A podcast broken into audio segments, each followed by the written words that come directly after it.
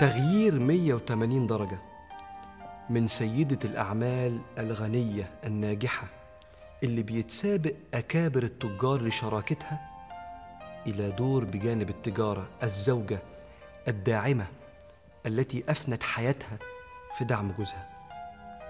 لما شافت السيدة خديجة رجاحة عقل النبي وشرف أهدافه وعظيم الأثر اللي هيسيبه في العالم لو أدى رسالته أفنت حياتها. في حياته صلى الله عليه وسلم حتى صارت الشريك المثالي. اللي خلت سيدنا محمد عليه الصلاة والسلام بعد وفاة السيدة خديجة يقول والله ما في حاجة ولا حد عوضني عنها. شوف دعمها يوم ما بدأ النبي عليه الصلاة والسلام شهور التعبد في غار حراء بحثا عن الوصول إلى الله. فكانت تجيب له الطعام لغاية الغار رغم بقائه هناك الليالي ذوات العدد كما في الحديث. فتكفلت هي في غياب النبي في غار حراء بكل شيء حتى نزل الوحي على رسول الله صلى الله عليه وسلم. لأنها كانت متأكدة أن جوزها النبي صاحب عقلية حكيمة فأكيد مش هيهتم إلا بمهم. ويستمر دعمها لسيدنا رسول الله عليه الصلاة والسلام يوم ما رجع سيدنا محمد عليه الصلاة والسلام يوم الوحي بشيء أشبه باللغز. يوم ما شاف سيدنا جبريل ورجع بيقول لقد خشيت على نفسي زملوني دثروني فينتقل الدعم لتذكيره عليه الصلاة والسلام. بأن اللي زيه في شهامته ورجولته مع قرايبه ونجدته للمحتاج وكرمه مع الضيوف لا يمكن ربنا يضيعك أبدا يا سيدنا محمد عليه الصلاة والسلام. وكانت رفيقة رحلة سيدنا محمد خطوة بخطوة معاك يا صاحب عمري. هي أول واحدة على فكرة آمنت بيه. أول إنسان آمن كانت السيدة خديجة. وأول واحدة صلت معاه.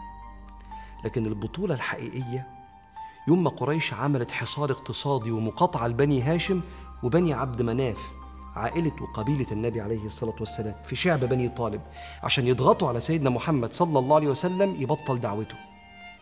وتدخل مع رسول الله الشعب رغم إن هي مش من العيلتين دول لكن الدنيا ما تسواش حاجة من غير وجودي جنبك يا جوزي يا رسول الله ودعمي ليك. وتوصي السيدة خديجة الغنية ابن أخوها حكيم بن حزام إنه يصرف من فلوسها على كل المسلمين في الشعب في أوقات الحصار. علشان كده حتى اليوم اللي نزل فيه سيدنا جبريل من الله بالبشرى لخديجة كانت بتعمل حاجة في وقتها فيها دعم ومساعدة لرسول الله. ينزل سيدنا جبريل يقول يا محمد هذه خديجة قد أتت بطعام وشراب لك فاقرأ عليها من ربها السلام وبشرها في الجنة بقصر من قصب لا صخب فيه ولا نصب بيت من لؤلؤ لا في مشاكل ولا في أمراض. دعم دعم دعم زوجة مثالية. عشان كده ما تستغربش إن بعد وفاتها بسنين سيدنا النبي يتكلم عليها دايما أحلى كلام. فالسيدة عائشة تقول ما غرت من امرأة مثل غيرتي من خديجة. وما بي أن أكون أدركتها نفسي أبقى زيها عند سيدنا محمد. وذلك لكثرة ذكر رسول الله إياه. وإن كان لا يذبح الشاة فيتتبع بها صدائق خديجة. يدور على بيت صحابات السيدة خديجة اللي ماتت من سنين فيهديها لهن. وكان رسول الله صلى الله عليه وسلم لا يكاد يخرج من البيت حتى يذكرها. فيحسن الثناء عليها. الله يرحمك يا خديجة. أو يقول حاجة تفكره بذكريات السيدة خديجة.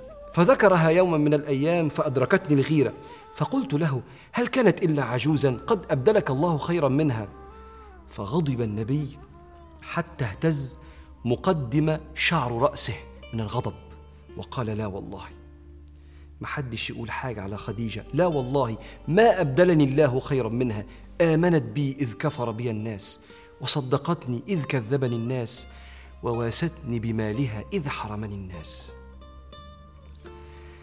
فلو عايز أصل السيدة خديجة حتى قدوة الرجال لو عايز أو عايزة تكونوا الشريك المثالي وتستحوذ على قلب حبيبك حسسه دايما إنك في ظهره.